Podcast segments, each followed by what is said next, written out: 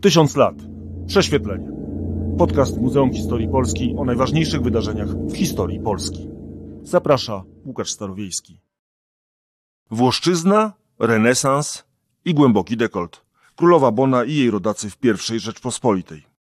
Byli światli, eleganccy i obrotni. Dołożyli sporą cegiełkę do złotych polskich czasów, na przykład końca dynastii Jagiellonów. Przynieśli modę na renesans, ale też zapewne Włoszczyznę. Byli kupcami, architektami, malarzami czy lekarzami. Bez nich polska historia na pewno byłaby uboższa i na 100% mniej kolorowa. Łukasz Starowiejski, zapraszam na kolejny podcast Muzeum Historii Polski Tysiąc lat prześwietlenie. Nasz historyczny rentgen skierujemy na Włochów, którzy osiedlili się e, w Rzeczpospolitej obojga narodów. Naszym przewodnikiem jest historyk profesor Wojciech Tygielski z Uniwersytetu Warszawskiego. Dzień dobry. Dzień dobry. Panie profesorze, gdy kontaktowaliśmy się w sprawie tej rozmowy, ja początkowo chciałem rozmawiać tylko o królowej Bonie Sforcy, a pan powiedział zdecydowanie, e, opowiedział się za poszerzeniem tematu. Ja się zgadzam. No właśnie, i miałem wrażenie, że ograniczenie tego tematu do Bony będzie jego ogromnym zubożeniem. Co prawda, Bona pozostaje sławna i jest obecna w naszej e, świadomości. I nawet pamiętam taki jakiś sondaż tygodnika Polityka, z którego wynikało, że jest bardzo wysoko, relatywnie wysoko w polskiej świadomości historycznej, ale oczywiście nie demonizując tej, tej roli, chcę powiedzieć, że oczywiście pomysł poślubienia księżniczki włoskiej przez Zygmunta Starego, no, zaowocował wieloma interesującymi konsekwencjami kulturowymi. I e, o, o, o samej osobie Bony też chętnie e, chwilę po, po, porozmawiamy. Natomiast chcę powiedzieć, że bardzo ważne w moim przekonaniu było sam, sama ceremonia ślubna. Mianowicie wtedy przyjechało z nią kilkaset osób, bardzo różnych, i one miały z Rzeczpospolitą kontakt.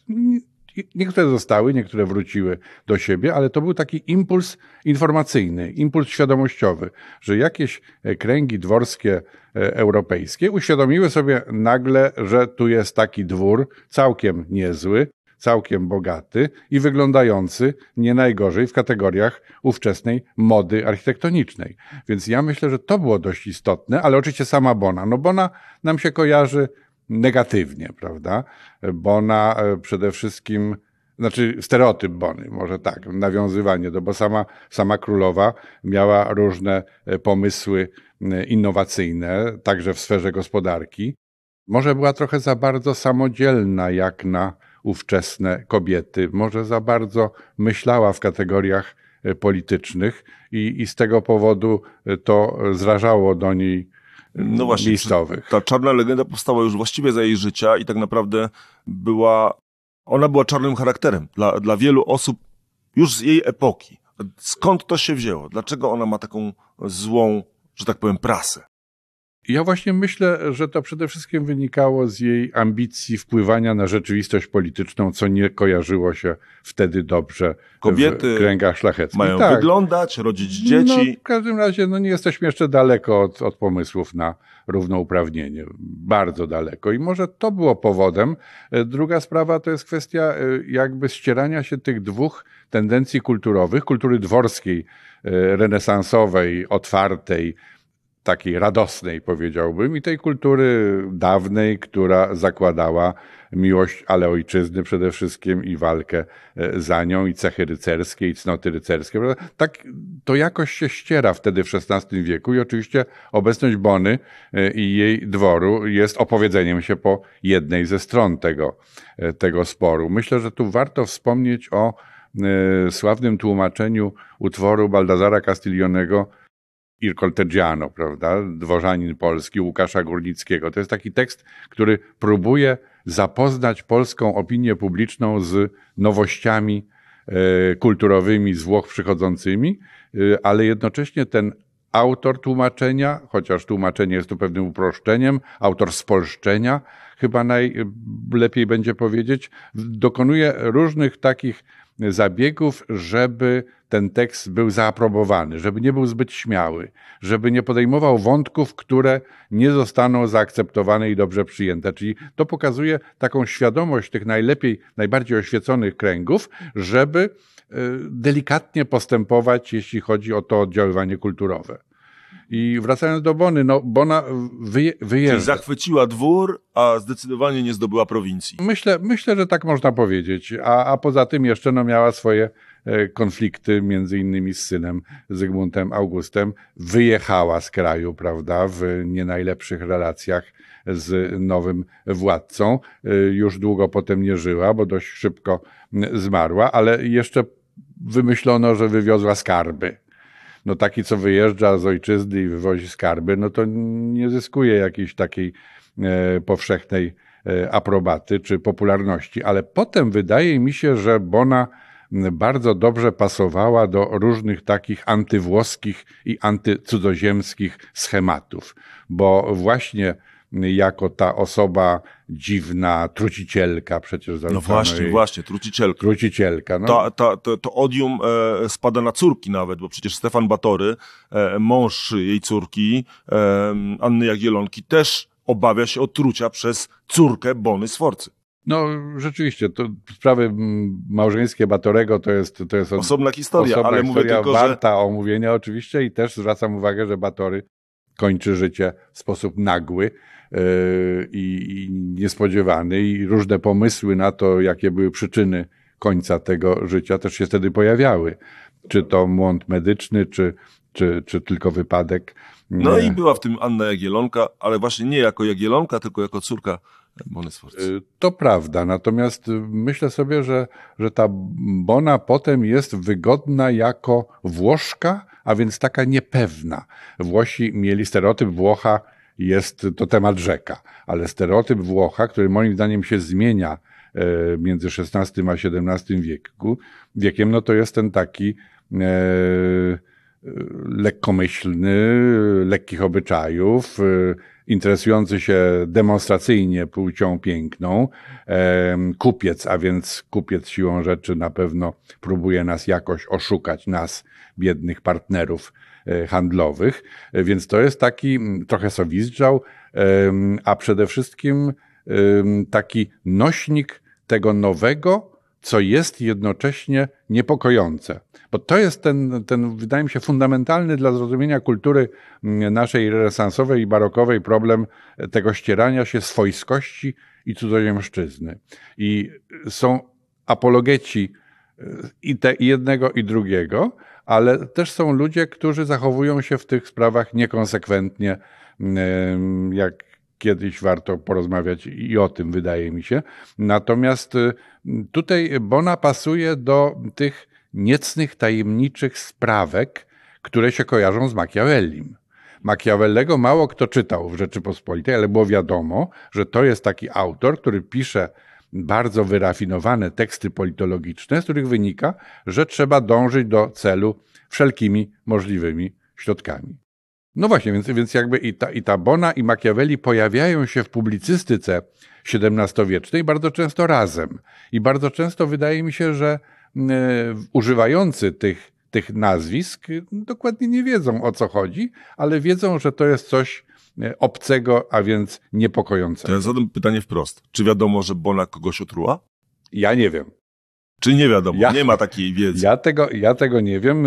Bardziej prawdopodobne wydaje mi się, że została ona otruta, prawda? Wie pan, jest taka cała historia przez niejakiego pa- Pakodę e, i to jest już kwestia relacji, powiedzmy, wewnątrz e, dworu i hiszpańskiego i relacji e, Włoskiego. włoskich. Tak, Tak, jest. Natomiast. To, to tę sprawę zostawmy. natomiast ja bym, ja, ja, ja, ja Pytam może- się o stereotypy, które e, gdzieś tam ciążą właśnie nad Bonem. Oczywiście, ale proszę pa e, pamiętać, że e, autorem największej niedokończonej biografii Bony jest e, Wacław Pociecha, który się w Królowej, jak wszyscy mówią, podkochiwał.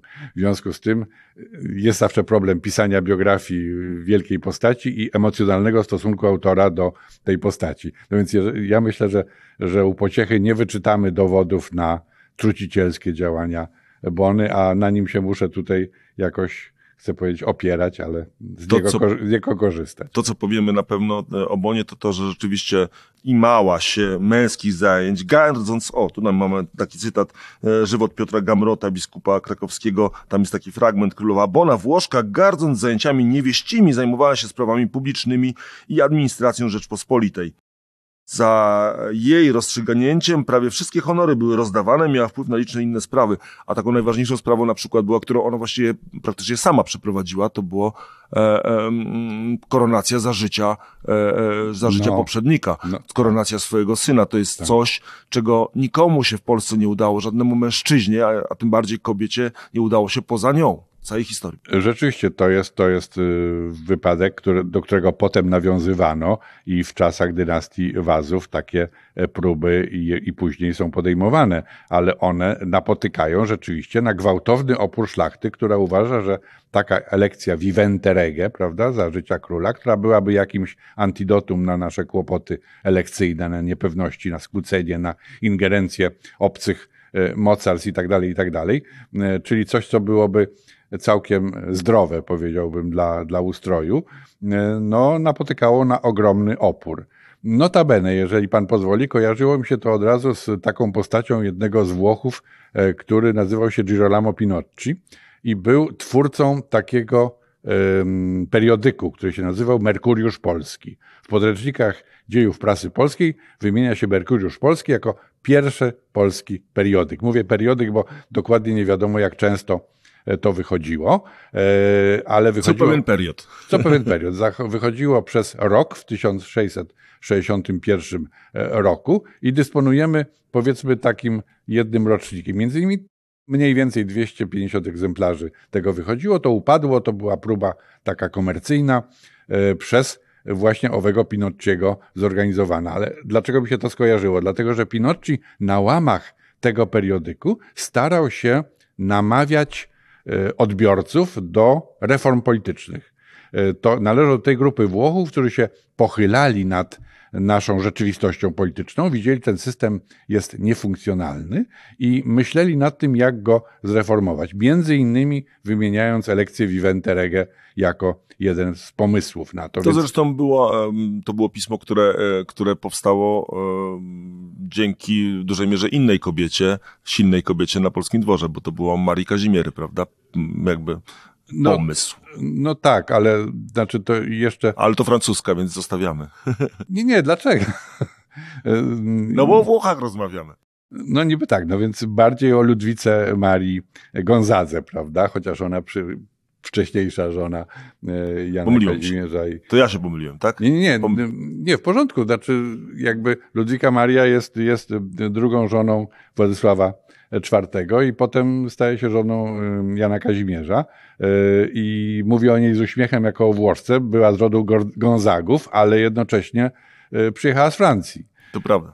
To, to Więc- łączy nam tematy. Więc to Rzeczywiście. nam łączy te tematy. Rzeczywiście tak. Ale e, wróćmy jednak do Bony Sforcy, e, bo ten mit o tej trucicielce, to, to odium trucicielki, to jest jeden z e, wielu mitów związanych z nią. Inne są takie bardziej, e, e, takie powiedzmy jaśniejsze, bo na przykład mm, jak się czyta internet i te artykuły o królowej Bonie, to ona właściwie przywiozła wszystko do Polski. Przywiozła włoszczyznę, przywiozła karpia, przywiozła, e, e, no wino nie przywiozła, ale upowszechniła powiedzmy. Przywiozła, uwaga, uwaga, uwaga, głębszy dekolt, ten tytułowy głębszy dekolt e, i, i zmianę, rewolucję w stroju.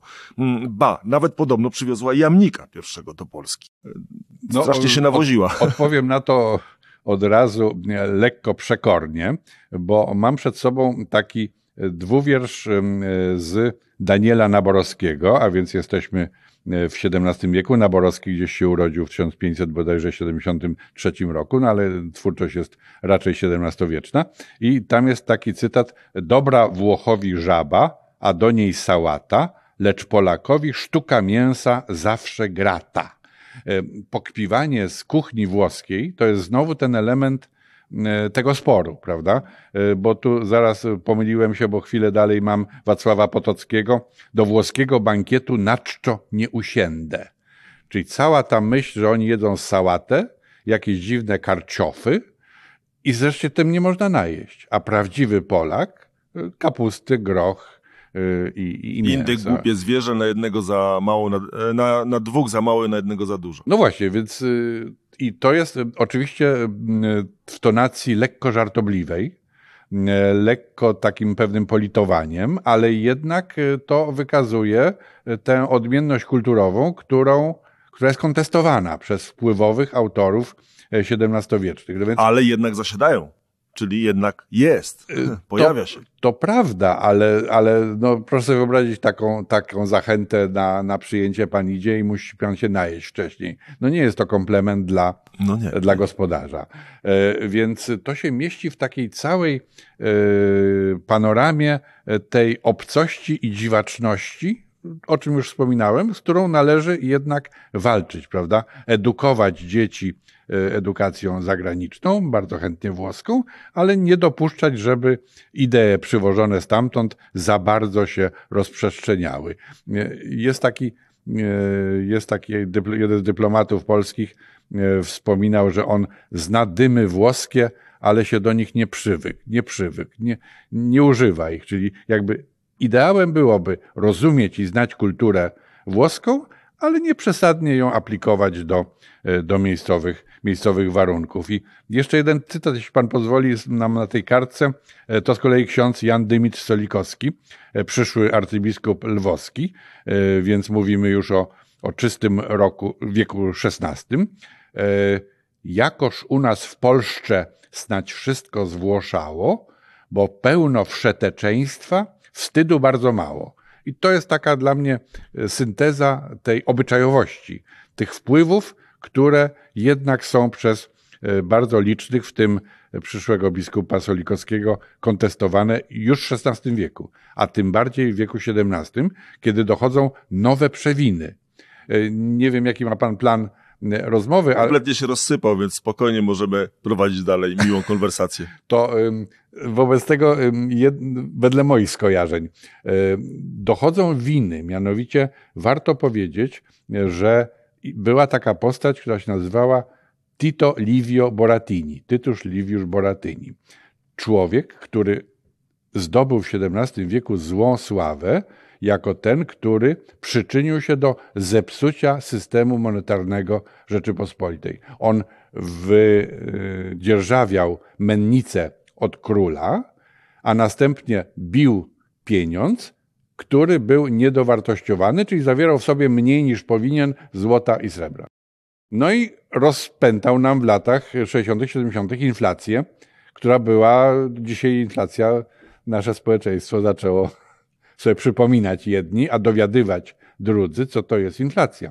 Otóż gwałtowna inflacja miała miejsce z podobnym dewastującym wpływem na rzeczywistość społeczno-gospodarczą, miała miejsce w drugiej połowie XVII wieku. I ten Boratyni to był ten winny. Znowu, jak z tą Boną, nikt mu nie udowodnił, ale powołano komisje sejmowe, które badały sprawę, ale proszę sobie wyobrazić, jaki był rozchybotany ten, ten system, że był podział oficjalny na e, moneta bona i moneta kurens, czyli dobrą monetę i tą bieżącą.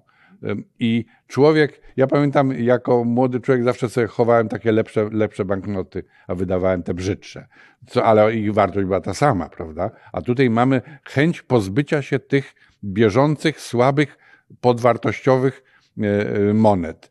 I transakcje zawieramy, opisując między innymi, w jakiej monecie ma ona być E, zrealizowana. Przy czym ciekawe, bo trudno je pewnie odróżnić. Może no, wagą, oczywiście. może czymś tam. No w końcu po Ale to... wagą chyba... Prawdopodobnie waga musiała jednak być. Jednak zainteresowaniem, wydaje mi się, to dobrze wiedzieli. I teraz e, na tego Boratiniego lecą gromy bo on jest właśnie znowu kwintesencją cwanego Włocha, który tu przyjechał, wzbogacił się naszym kosztem. I proszę sobie wyobrazić ten cały problem XVII-wiecznego rozdrażnienia społeczeństwa staropolskiego, które tę bonę przez Pana tak ulubioną sobie przypomina jako tę, która wprowadziła owe złe, niemoralne sposoby postępowania, ale mają już nowych e, wrogów, nowych twórców nieładu i na nich kierują swoją bezsilność. Bo dlaczego? Przecież ci Włosi nie zniszczyli Polski. Oni tylko ewentualnie, widząc pewną słabość struktur społecznych i gospodarczych znajdowali tutaj miejsce dla siebie, dla swojej aktywności. Przypomnijmy, to była Polska po potopie szwedzkim, szwedzkim, najeździe e, rosyjskim, e, najeździe Rakoczego, czyli węgierskim oraz powstaniach kozackich. E, ani razu nie powiedziałem słowo Włoch. no bo ten najazd był inny. No właśnie, nie, nie, chodzi Ale o to, że rzeczywiście oczywiście. tak naprawdę Polskę rozchybotał i zniszczyły no, oczywiście. te wszystkie wojny. A pieniądz, czy, czy, czy, czy, czy, czy to, że ktoś zrobił gorszy pieniądz, to jest jakby dodatkowy element, który no, na pochyłe drzewo koza skacze. Pe, pełna zgoda, tak ale ja bym tutaj o tyle się upieram, że znaczy ci Włosi nie mieli złych intencji, oni po prostu szukali, prawda? Jest cały problem emigracji. To też jest dzisiaj dla nas temat bardzo ważny i ciekawy. No, wiadomo, że emigracja jest stymulowana przez jakieś czynniki, czy to się nazywa Putin, czy to, jest, to się nazywa nadmiar E, przeludnienie Półwyspa Penińskiego i niemożność znajdowania zatrudnienia w swoich zawodach artystycznych. Przecież Włosi dlatego są tacy e, tak liczni artystycznie, tak wspaniali, takie mają dokonania, ale to się w jakimś momencie przestało mieścić w strukturze społecznej Półwyspu Apenińskiego. I jest to presja, żeby szukać możliwości świadczenia usług artystycznych poza Włochami. I jesteśmy tutaj interesującymi i wartościowym i atrakcyjnym miejscem. Dlaczego? Dlatego, że jesteśmy w miarę jeszcze bogaci, czyli nas stać na tego rodzaju usługi. A, A w jedno... XVI wieku jesteśmy po prostu bogaci. Po prostu, tak, zgoda. To jest jedno z najbogatszych państw ale, europejskich. Ale potem pozostaje nam jakby elita społeczna ciągle bogata, ciągle porównywalna. Następuje to rozwarstwienie, przybywa biednych, to bym się zgodził, ale ci porządnie bogaci nadal jeszcze istnieją. I, i ci bogaci mają życzenie, żeby E, ci Włosi jakoś obsługiwali ich potrzeby luksusowej konsumpcji i oni to robią i jest zapotrzebowanie, prawda?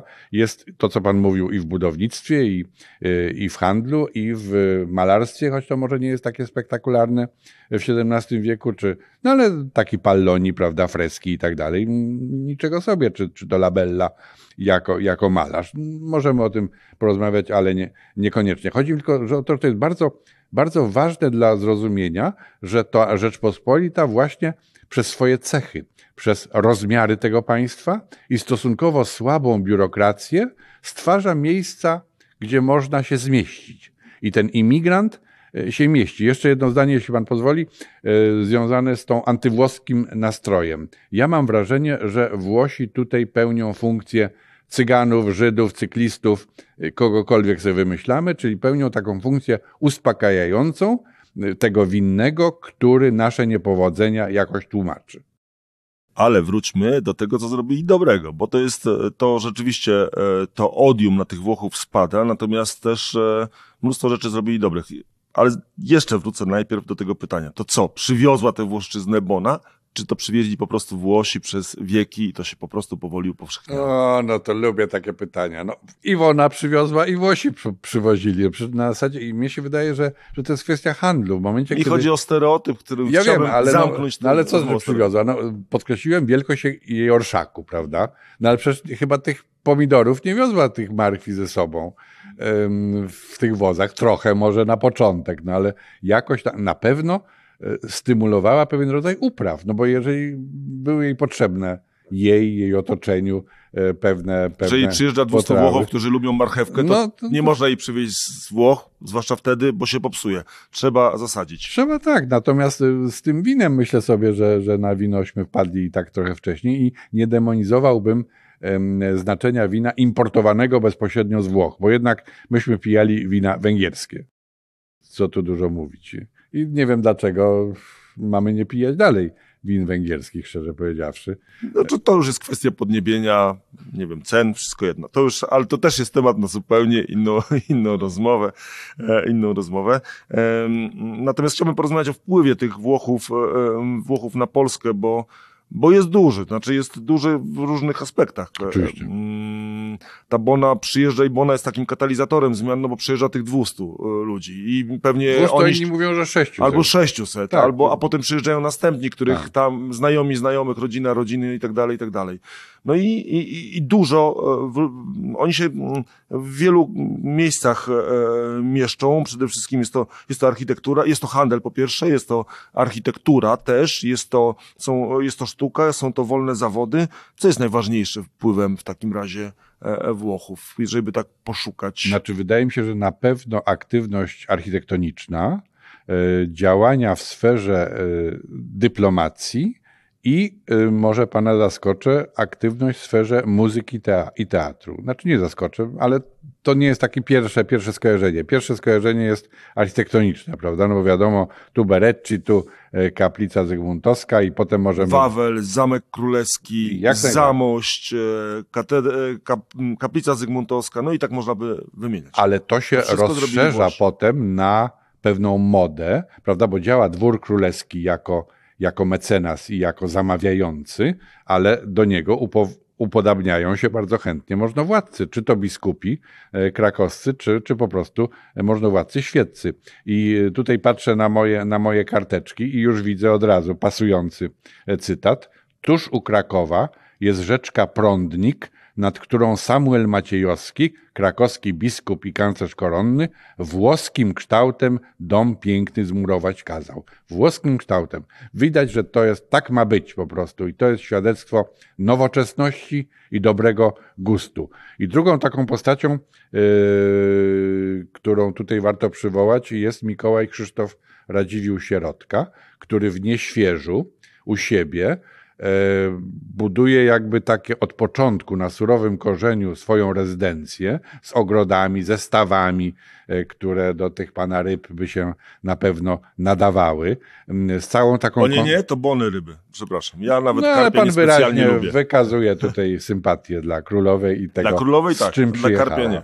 E, otóż w opisie tej tego nieświeża Mikołaja Krzysztofa Radziwiła Sierotki pojawia się zdanie, w posiadłościach ziemskich i wsiach ogrody, sady, stawy rybne i drogi na przestrzeni kilku mil jakby pod sznur najrówniej wytyczył, fosy po obu stronach i drzewa owocowe im przydał, słowem, i tu ważne, w środku Sarmacji Italię nam urządził. W środku Sarmacji, proszę zwrócić uwagę, że mamy dwa pojęcia. Z jednej strony Sarmację jako naszą identyfikację historyczną, jako pewną odrębność, bardzo szeroko pojmowaną i on w środku tej sarmacji Italię nam urządził i to jest w opisie niezwykle pochlebnym. Czyli tak należy czynić. Wymieniamy Zamość oczywiście przez Pana tu wspomniany jak najsłuszniej, bo to jest kolejny pomysł, żeby coś zrobić od początku, na surowym korzeniu. I to jest największy z tych zamysłów w ogóle e, polsko-włoskich, no bo proszę sobie wyobrazić, że, że przychodzi e, kanclerz Zamojski do architekta mówi tu mi buduj miasto. Całe miasto. Całe? Tak. Kościół, synagogę, domy, mury, wszystko. No myślę sobie, że być tym architektem, e, oczywiście nazywał się on Morando, Bernardo Morando, e, to było coś fajnego. Znaczy takie zadanie otrzymać, będąc profesjonalistą, a był on.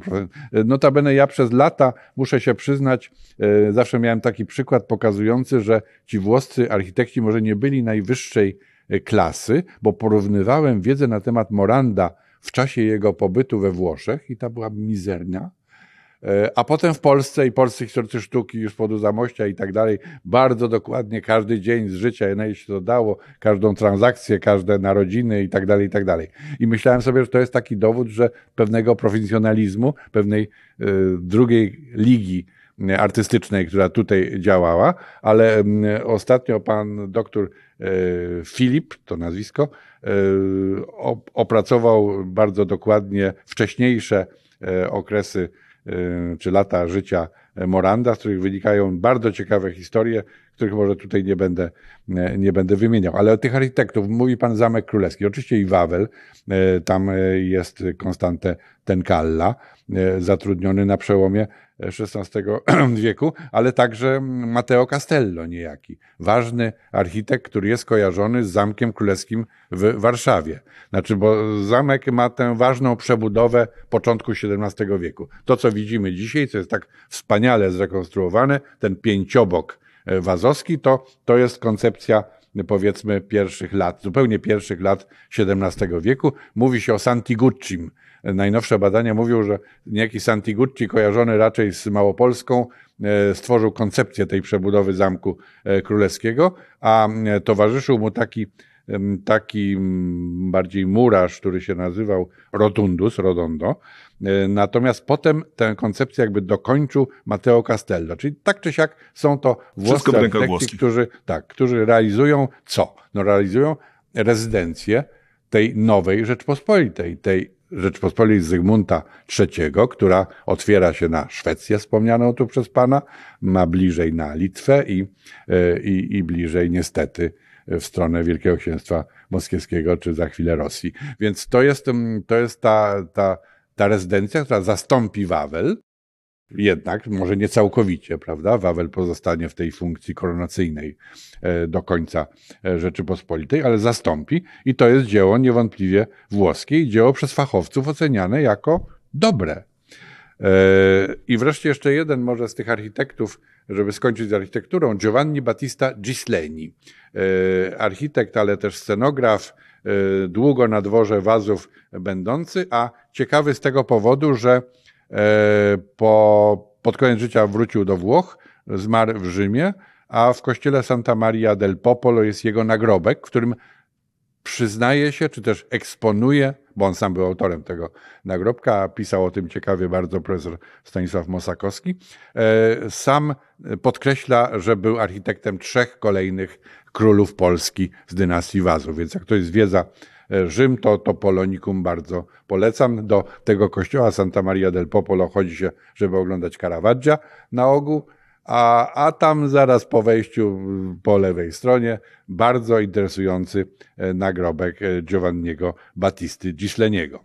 E, I to jest ta sfera, powiedzmy, architektoniczna. Dochodzą jeszcze inżynierowie. Warto wspomnieć rozróżnienie, które warto pamiętać, co to znaczy architekt. To nie jest do końca jasne, bo jest jeszcze murator. E, my dzisiaj architektam widzimy tego. E, to dzisiaj jest ściśle podzielone. Koncepcja, to... prawda? Wiadomo, kto inny buduje. A tutaj ten podział nie jest taki ostry, ale przyjmując, że architekci są ci bardziej koncepcyjnie pracujący, e, a nie ci wykonujący, to jeszcze może warto dwie postacie włoskie wymienić. Jeden to był inżynier wojskowy Andrea dell'Acqua. Andrea Dell'Acqua, spolonizowany, E, który napisał między innymi taki utwór, który się nazywał Praksis ręczna działa, rozdzielona na trzy księgi. On był maniakiem e, powiązania e, budowy murów i umocnień z jakością artylerii. To wydaje się dość oczywiste, ale wtedy on to lansował jako pewną, pewne nowum i pewną konieczność uwzględniania agresywności artylerii w planowaniu fortyfikacji. No niby sprawa prosta i oczywista, ale to było jego taki, e, taki wkład w tę naszą kulturę militarną. A jeszcze trzeba dodać, że lansował niestety bez skutku pomysł stworzenia Akademii Wojskowej. To miała być Akademia Puszkarzów, ale potem on to rozwijał też mm, taką myśl, no myśmy nie mieli takiej uczelni, prawda? A może by nam się przydała i może wcześniej nastąpiłoby wycofanie się z pospolitego ruszenia na rzecz e, profesjonalnego wojska, co chyba byłoby z korzyścią. Jeszcze był taki Isidora Faitati, ale może go w tej chwili zostawmy. Wymieniam go dlatego, że e, zbudował on, czy przebudował Villa Regia, więc siedzibę władz Uniwersytetu Warszawskiego, więc pozwolę sobie tutaj zareklamować Pałac Kazimierzowski. Zwłaszcza, jako... że Villa Regia będzie też Muzeum Historii Polski, to, to zrabowane przez e, fronton zrabowany przez Szwedów, wyłowiony z Wisły e, kilka lat temu, tak. będzie w Muzeum Historii Polski, więc wszystkich reklamujemy naraz. A no to wobec tego nie można pominąć nazwiska Hubert Kowalski, tak jest. który w pocie czoła z tej Wisły, to korzystając z niskiego poziomu wody, wydobywał te rzeczy. I to jest niesamowite swoją drogą, tak jak się zastanowi, ile jeszcze jest szans tego typu, e, bo na ogół... Jeśli można w Wiśle koło Warszawy no znaleźć, e, e, znaleźć no, prawie kompletny fronton budynku pałacu. To z jednej strony pokazuje skalę rabunku tego w czasie potopu, z drugiej strony też pokazuje, że jak wiele takich pozostałości E, przeszłości ciągle jeszcze gdzieś można, można znaleźć. I, mnie to bardzo ucieszyło, bo, bo jak wiadomo, Hubert miał poprzedników y, na początku XX wieku, którzy skorzystali z wcześniejszego niskiego poziomu wód i tam na, na wyzbierali tego trochę. A oni jeszcze po, po wiek później, prawda, jest, jest ciągle szansa. Także to szalenie jest optymistyczne. Więc zostawmy, zostawmy Afeitatiego, ale może jeszcze taki Giovanni Battista Frediani. To mało znana postać, to był inżynier włoski związany z Wilnem, e, który e, skonstruował most na rzec przez Wilię. Most innowacyjny szalenie architektonicznie, ponieważ e, pozbawiony e, podpór, to się nazywa przęseł w ogóle, czyli taki jak dzisiaj się buduje, prawda? Z brzegu na brzeg. Z brzegu na brzeg. No to wtedy to było coś. Oczywiście to był ten wieczny problem naszych mostów, że kra się zbiera, e, niszczy most i, i mamy z tym kłopot i stąd żałosny stan naszych mostów w sensie historycznym. Żałosny. Te brody, które są niezbędne i wszystkie brudna, niebrudna, które zaznaczają miejsca, gdzie przejeżdżamy różne rzeki w brud. No więc z mostami było u nas kiepsko, a ten Frediani zbudował most bardzo piękny, bardzo e, niedrogi, jak się okazało, ponieważ rekonstrukcje coroczne e, były bardzo, bardzo kosztowne. E, no i może nie powinienem dodawać, ale ten most zawalił się dość szybko. Ale gwoli prawdzie historycznej powiedzmy, że Fredianiemu to ostatecznie tak nie, nie zaszkodziło całkiem, ponieważ otrzymał indygenat, czyli obywatelstwo Rzeczypospolitej, co było taką formą e, podziękowania za, e, za całokształt działalności. Także tyle o, o architektach i, i inżynierach, bo to trzeba raczej razem. Co do malarzy, e, to właśnie wspomniany tutaj Tomasz Dolabella, Tommaso Dolabella, który był nadwornym malarzem wazów i który malował nam takie E, takie historyczne kompozycje, które miały swoją wymowę propagandową, a więc e, a to, a to wzięcie do niewoli szujskich, a to e, zdobycie Smoleńska, o takie mm, krzepiące jakby tematy, co też pokazuje, że ci ludzie przybywający do Rzeczypospolitej dość szybko utożsamiali się z naszą historią. dostawali takie zlecenia. Może tak, ale no tu pan troszeczkę mój idealizm przyciął, może słusznie. E, na pewno słusznie. Po części, może po części tak, po części tak. Ale może odbiorca, odbiorca oczekiwał, prawda? To prawda. Może to było troszeczkę do, dopasowanie się, ale rzeczywiście e, obronię, obronię jeszcze tych Włochów i ich samoświadomość e, stwierdzeniem, że ci dyplomaci papiescy, którymi wiele czasu spędziłem czytając ich listy, e, piszą o wojsku polskim nasi i nostri soldati, prawda? Więc um, trudno się było utożsamiać, będąc papieskim dyplomatą z wojskiem rosyjskim czy szwedzkim oczywiście, ale, ale jest to kolejny taki, e, taki przykład e, utożsamienia się i z polską racją stanu, i z dworem królewskim, bo na ogół ci dyplomaci byli po stronie. No i jeśli chodzi o malarzy, dworu. to oczywiście generalnie ich jest dużo, bo wielu jest dworskich malarzy e, na, na dworach różnych magnatów. No, najsławniejsze nazwiska to oczywiście te z końca Rzeczpospolitej, czyli e, Bernardo, e, Bernardo Bellotto, czyli Canaletto i Marcello Bacciarelli, który w ogóle jest postacią wielką na dworze no tak. Stanisława Augusta. Ale właśnie to jest dość charakterystyczne. Wydaje mi się, że że jak patrzymy wcześniej, to takich postaci tej roli, jak na dworze Stanisława Augusta Poniatowskiego, ja bym nie widział. Może troszkę, znaczy niekoniecznie są to Włosi, powiedzam po pierwsze, a po drugie Daniel Schulz, na przykład taki dość, dość ważny malarz mm, e, z czasów wazów, no Włochem na pewno nie był. E, a rzeczywiście ci malarze jakby nie są aż takiej wysokiej rangi jak ci dwaj przez Pana wymienieni, którym tyle zawdzięczamy, no że w ogóle szkoda, szkoda gadać, prawda? Canaletto, no to przecież temat, temat rzeka. Fotograf, Fotograf, no właśnie. XVIII wieku. E, no dobrze, to zostawmy tych malarzy, bo mamy jeszcze, e, e, mamy jeszcze sporo fajnych rzeczy do opowiedzenia, zwłaszcza właśnie ta, ta, ta część, o której jeszcze nie mówiliśmy i która jest taka dosyć ukryta, w sensie taka, że mm, tych stereotypów jest bardzo dużo, a o tym to trzeba się wczytać, żeby wiedzieć. To jest dyplomacja, rola dyplomacji. O tej papieskiej dyplomacji już rozmawialiśmy, a przecież papieską dyplomację robili Włosi. Ale oni też występowali e, e, jako przedstawiciele polskiej dyplomacji taki jeden z najfajniejszych e, i też moich, jeden z moich ulubionych, jeden z moich ulubionych postaci, to jest Kalimach. E, Aha. E, człowiek, który wymigrował, przyjechał do Polski także dlatego, że, że jakby był oskarżony o spisek na papieża, a, a potem no to zrobił, tu był pod ochroną jednego z biskupów polskich, a potem został następcą Jana Długosza jako nauczyciel dzieci królewskich, ale był też dyplomatą. E, to prawda. E, ja Kalimacha raczej wielbię, czy też e, chwalę jako wychowawcę synów królewskich, prawda, bo to była ta rola bardzo, bardzo duża. Ja myślę, że w ogóle profesja dyplomatyczna dopiero wtedy się rodziła, prawda? To znaczy, wspomniał Pan papiestwo jak najsłuszniej, bo to jest jedna z tych instytucji, które, które przyczyniają się do rozwoju nowoczesnej dyplomacji. W ogóle inne te organizmy włoskie z Wenecją na czele też były tutaj dość ważne, ale to jest ten, ten, ta nowa faza, w której rzeczywiście o tyle profesja e, dyplomatyczna się wykształca, że pojawiają się stałe ambasady, których wcześniej nie było, bo były poselstwa jednorazowe, prawda? I mówiliśmy o tym przy okazji, przy okazji nuncjatury, ale nie tylko. Po prostu ważne podmioty polityczne, Polskę wyłączając z tego, y, tworzyły swoje stałe ambasady, stałe przedstawicielstwa z różnymi tego konsekwencjami, także kulturowymi i także, mm, e, także informacyjnymi, powiedziałbym.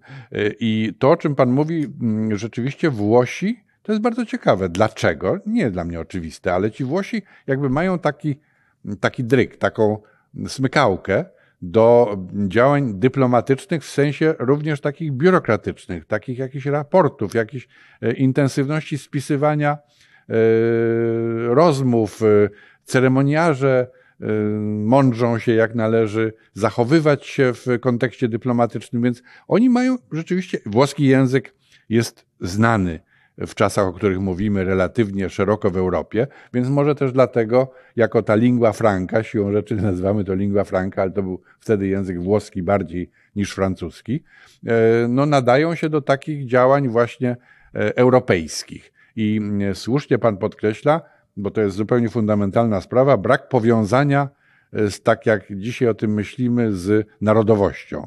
E, reprezentujemy swojego króla i nikogo więcej. Otóż możemy reprezentować kogoś w ramach usługi dyplomatycznej i do tego nie jest nam potrzebna ani narodowość wspólna, ani obywatelstwo, jakkolwiek one wtedy wyglądały. Więc rzeczywiście Włochów e, aktywność w europejskiej dyplomacji wtedy jest na pewno większa niż można by się było tego, tego spodziewać. I oni też występują u wazów. Kalimacha, e, Kalim, bo to ciekawe, że e, pan w tych pytaniach sięga wczesnych czasów, prawda? Jakby chciałem pokazać Początku. pierwszego i tak, tak, tak, z najbardziej zgoda, znanych. Zgoda, bo, ale, bo to jest, bo, bo, bo on po... potem właśnie jeździł do Rzymu, Wenecji, Pragi czy Gracu, e, ale to był jakby pierwszy z serii. Znaczy, nie wiem, czy pierwszy zupełnie. Dobra, potem ale... nawet jest chyba pewna, pewna przerwa, ale ja bym uważał, że że ci Włosi, mm, bo jeszcze ciągle my funkcjonujemy na zasadzie poselstw.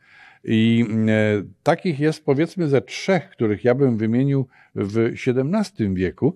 Jeden się nazywał Ludovico Fantoni, drugi się nazywał Domenico Roncalli, a trzeci się nazywał Valeriano Magni, czy też Magni się pisze, e, ale raczej wymienia się Magni, choć pewności tutaj nie ma. Otóż oni byli zatrudniani do wykonywania konkretnych usług dyplomatycznych, albo na przykład, jak Roncalli jedzie z Jerzym Osolińskim do Rzymu w ramach tego sławnego wjazdu. Co się gubi złote, co się gubi złote podkowy 1633. To co on tam robi? On jest sekretarzem tego poselstwa, czyli on pełni funkcję osoby kompetentnej, która a to zamówi nocleg, a to, a to będzie wyprzedzała orszak główny, prawda? Oni mają całe takie, takie e, zestawy informatorów, które mówią im, jak należy się zachowywać w podróży i oni z tego korzystają. Taka rzecz jak zalecenie, żeby nigdy nie zajechać do oberży wieczorem, późną porą, bo wtedy ten oberżysta podyktuje bardzo wysoką cenę, widząc, że nie mamy wyjścia.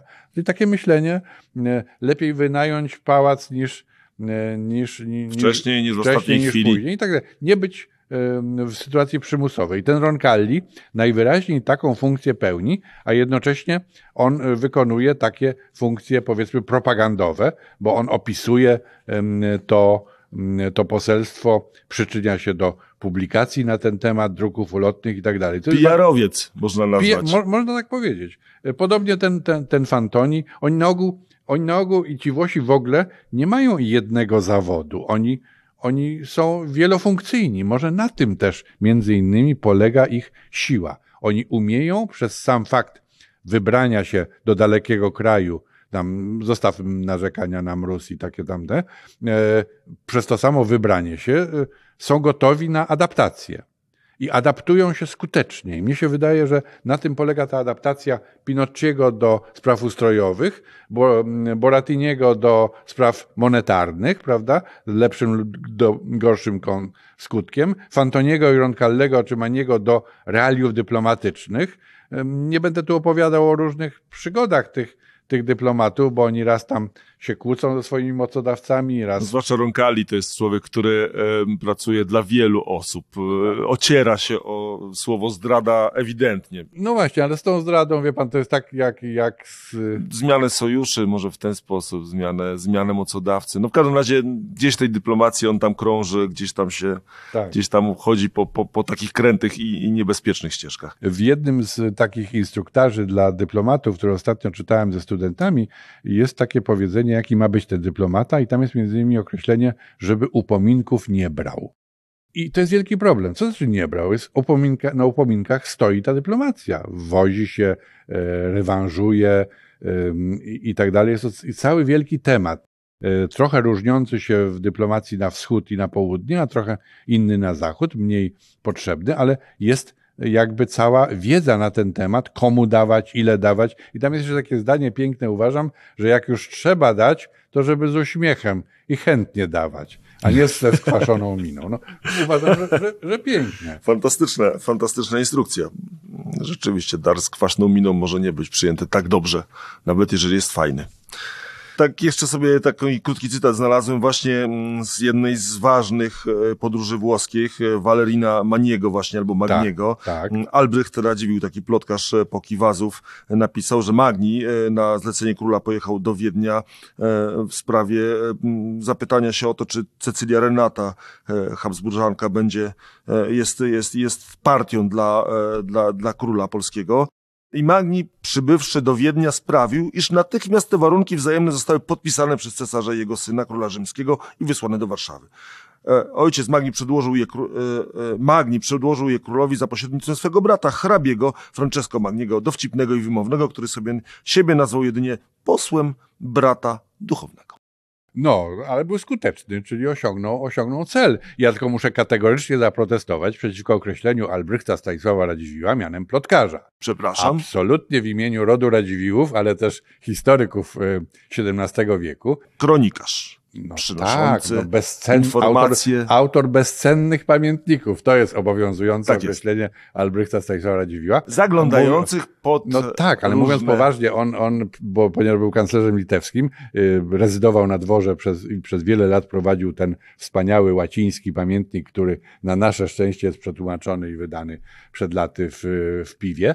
Yy, otóż to jest źródło fantastyczne. Absolutnie fantastyczne. Uczestnik, uczestnik życia politycznego. Który opowiada o tym życiu prawie dzień po dniu z wszystkimi tak, niuansami. Mu, proszę wybaczyć, musiałem. W, w słusznie, imię, słusznie. W imieniu Albrechta Stanisława, ale mam wrażenie, że została nam jeszcze sfera muzyczna.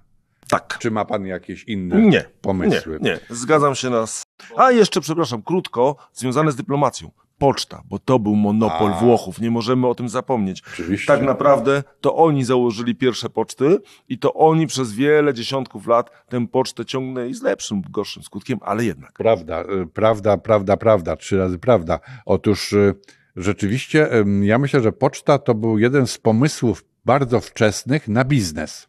Bo jednak ci Włosi przyjeżdżali tutaj, żeby robić biznes, a potem się okazywało, jak to często się okazuje tu nad Wisłą, że bez wsparcia państwa się nie da. E, I y, ten przez Prospero Prowane założona ta pierwsza poczta, która miała łączyć, łączyć Kraków z Wenecją, w domyśle dalej z Rzymem czy z Włochami, e, funkcjonowała. Przechodząca przez Wiedeń jeszcze. Tak, tak, oczywiście to funkcjonowało bardzo dobrze, ale na zasadach komercyjnych raczej się nie dawało tego długo utrzymać. I potem ja mam swoją teorię, że potrzeby nuncjatury apostolskiej, właśnie regularność pocztowych działań podtrzymała te różne inicjatywy, bo potem jeszcze Włosi, tacy bracia Gratta, ale nie tylko, próbowali e, tworzyć takie rozgałęzienia tej poczty, a to do Gdańska, a to do Wilna i tak dalej. Nie mam przekonania, że poza tym rdzeniem, a rdzeń musiał się przesunąć z Krakowa właśnie do Warszawy, a potem troszkę do Wilna, więc tak powiedzmy Wilno, Warszawa, Kraków, Wiedeń, Wenecja i dalej. ten system był utrzymywany i on był bardzo ważny także z powodów podróżniczych. Mianowicie ci kurierzy to był ten element stały, taki cywilizacyjny, na trasie. Coś się dzieje, prawda? Ci różni ludzie, którzy boją się napaści, e, którzy się grupują w takie jakieś karawany, e, zwłaszcza w czasie wojny 30-letniej, e, no na pewno czuli się lepiej, mając świadomość, że na tej trasie jest tak intensywny, intensywny ruch. E, z całą infrastrukturą, która siłą rzeczy musiała E, tym kurierom, którzy zmieniali konie. Jednak to, była, to, to, to był tydzień, tydzień, prawda, ta akcja e, trwała i, i cały system jakby martwienia się z powodu opóźnienia kuriera, to jakby dzisiaj z przesiadką samolotową, prawda? Nie dojechał sobotni kurier z Krakowa, pisze dyplomata w, w Wiedniu i mam zablokowane listy do Wenecji, do, do Augsburga i tak dalej, bo cały system się się jakby tak zatrzymał w tym momencie. Więc to są takie, inaczej się to e, działało innymi środkami, ale bardzo duże są tu podobieństwa.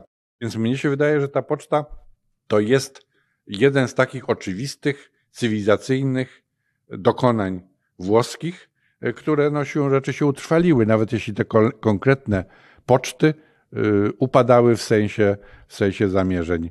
Y, Ojcami Poczty Polskiej możemy spokojnie Absolutnie. nazwać. Absolutnie. I to, jest, to się tak wiąże z tą mobilnością, prawda? Mobilnością w obie strony. Idealnie pasuje. Przepływem informacji, przepływem idei i tak dalej. Także tu za pocztę jestem im zdecydowanie wdzięczny.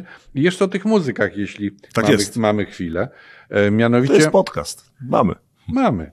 No, e, o muzykach chcę powiedzieć dwie rzeczy. Po pierwsze, że ci muzycy byli świadomie sprowadzani. I to mi się szalenie podoba, że to, to Zygmunt III najbardziej zaczyna taką akcję. Mianowicie e, miał takiego sekretarza królewskiego, który nazywał Krzysztof Kochanowski, a drugi nazywał się Bartłomiej Kos, był kanonikiem łódzkim i on ich w końcu XVI wieku już wysyła, jakby najwyraźniej zapada decyzja ta o przeniesieniu stolicy, mówiąc w uproszczeniu, a w każdym razie o przeniesieniu dworu i siedziby do, do, do Warszawy i takiego konstruowania tego dworu jako centrali politycznej państwa z wszystkimi elementami, które do dworu powinny należeć, w tym do nadwornej kapeli, orkiestry i tak. I ci ludzie ten po prostu przywożą, mają jakieś tam pełnomocnictwa dotyczące proponowanych warunków pobytu i zaczyna się taka cała seria ważnych kapelmistrzów, pierwszy nazywał się e, Annibale Stabile, potem niejaki Luca Marencio, a potem Asprilio Pacelli. E, I tutaj przy Pacellim się można zatrzymać o tyle, że w kolegiacie warszawskiej, a dzisiejszej katedrze był jego nagrobek, który niestety nie istnieje już. Natomiast to był doświadczony kapelmistrz, który pracował w Rzymie w Collegio Germanico, a więc pracował w miejscu dla um, muzyka prestiżowym, a ponoć miał nawet zaproponowane kierownictwo kapella Giulia przy Bazylice Świętego Piotra. No to już lepiej nie można. I on się decyduje na przyjazd do Warszawy i rzeczywiście zmarł, jak to czytam w notatkach, 4 e, maja 1623 roku i został pochowany w kolegiacie świętego E, Jana, a znawcy przedmiotu, warto tu wymienić Barbarę Przybyszewską-Jarmińską, e, ale oczywiście nie tylko, dobrze mówią o, o jego poziomie, tak powiem, profesjonalnym. I nie chcę tu mnożyć tych, tych nazwisk, które się tutaj pojawiają, ale na pewno takim wkładem ważnym jest to połączenie muzyki z teatrem operowym.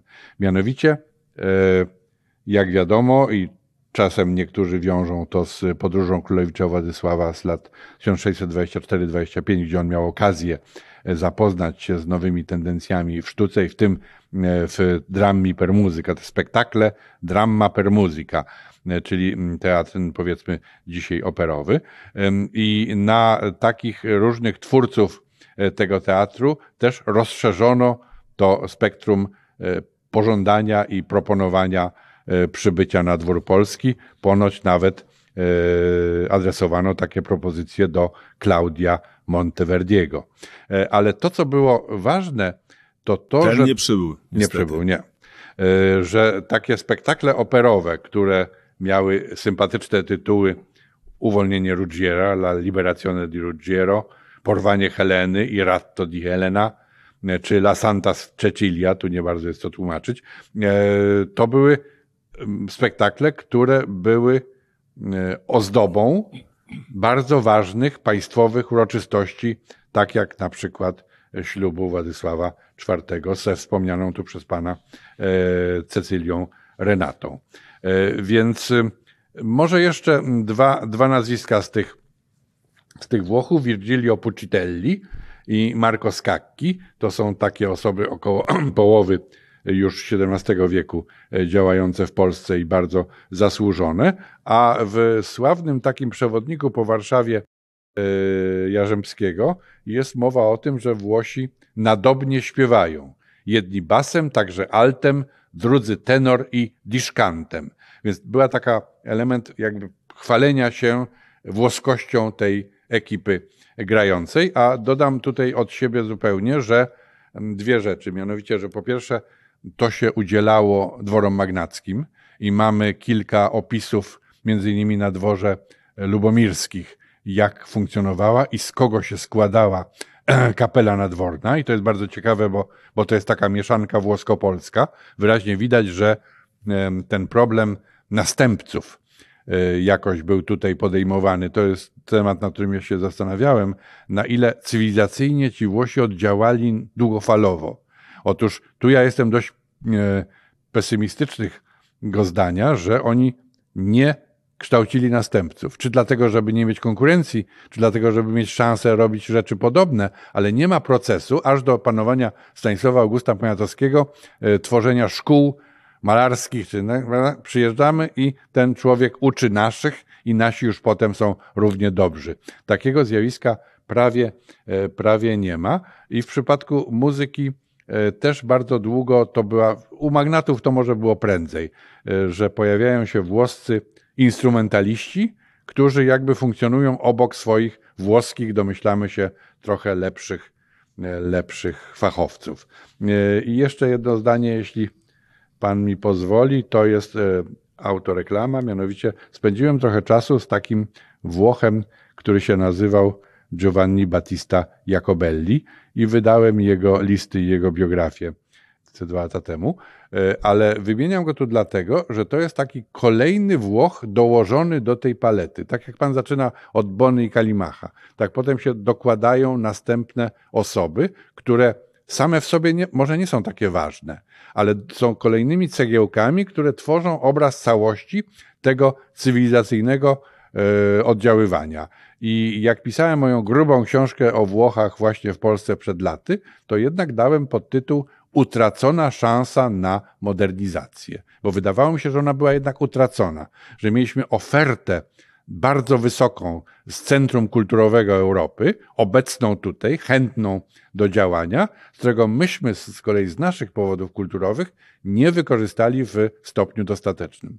E, I ten Jacobelli mój to właśnie był taki kolejny człowiek, o którym nic nie wiadomo było, zanim ja przypadkowo zupełnie znalazłem jego listy w miejscowości Casalvieri pod Neapolem, listy do rodziny, bo to był emigrant muzyk, który został tu duchownym i stał się spowiednikiem polskich królowych, w tym Ludwiki Marii Gonzagi i e, Marii Kazimiery. Także e, postać intrygująca, a w nagrodę za tę swoją działalność na dworze królewskim otrzymał kanonię warmińską i życie dokończył we Fromborku.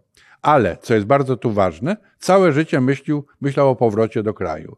Myślał o powrocie w kategoriach chciałbym, ale się trochę boję. A boję się dlaczego? Bo nie zarobiłem dostatecznie dużo, żeby sąsiedzi się ze mnie nie naśmiewali. Czyli istniał jakiś poziom e, sukcesu ekonomicznego tych ludzi, bardzo wyraźnie przez mojego Jakobellego wyrażony w tysiącach talarów, który pozwalał spokojnie, z podniesionym czołem, wrócić do mamusi, którą kochał, do braci, których kochał i tak dalej. Jakobelli z powodu między innymi potopu, o którym żeśmy tu rozmawiali, w pewnym momencie się wzbogacił i stracił.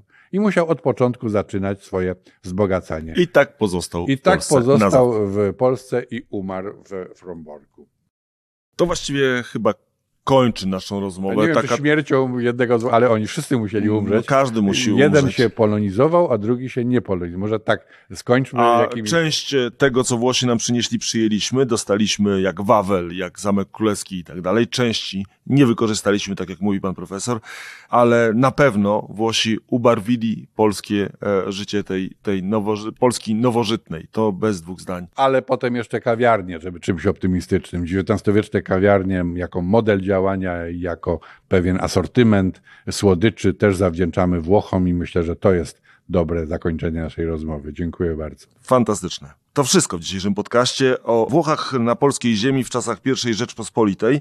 O ich obecnościach, złych i dobrych stronach rozmawialiśmy z pro, rozmawiałem z profesorem Wojciechem Tygielskim z Uniwersytetu Warszawskiego. Dziękuję bardzo jeszcze Dziękuję raz. pięknie. Ja zapraszam Państwa oczywiście na kolejne podcasty Muzeum Historii Polski z cyklu Tysiąc lat prześwietlenie. Do usłyszenia mówi Łukasz Starowiejski. Tysiąc lat. Prześwietlenie. Podcast Muzeum Historii Polski o najważniejszych wydarzeniach w historii Polski. Podcastów Tysiąc lat prześwietlenie wysłuchasz na YouTube, Spotify, Google Podcast, Audiotece, a także na innych platformach podcastowych. Chcesz być na bieżąco? Subskrybuj kanał Muzeum Historii Polski.